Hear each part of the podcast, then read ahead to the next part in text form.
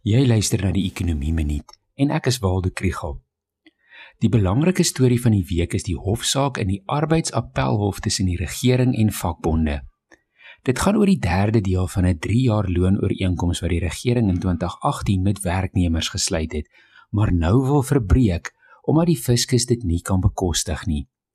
Die ooreenkoms was vir 'n VPU plus 2% salarisverhoging wat die staat ongeveer 37,5 miljard rand sou kos.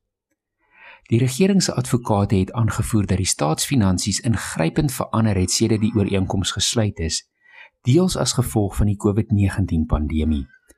Hulle het geargumenteer dat die eis vir die verhoging kom op 'n tyd wanneer die res van die land se werksmag se salarisse gevries of gesny is.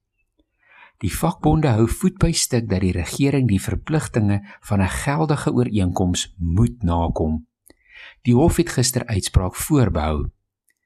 Die regering het later 'n alternatief voorgestel waardeur hulle 'n kontantuitbetaling gee en vir 'n jaar lank nie werkers se pensioenfonds bydrae sal maak nie, maar eerder die geld by die salaris sal voeg. Dit sal na raming 27 miljard rand kos en die tesourier het gevra vir meer tyd om die besonderhede uit te werk. Hierdie is 'n toetsaak vir die minister van finansies se planne om die staatsfinansies op 'n meer gesonde voet te kry deur veral salarisse te besnoei.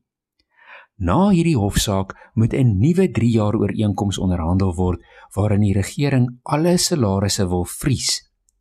Daar gaan ook besnoeiing van betaling en van werke moet kom in alle staatsondernemings.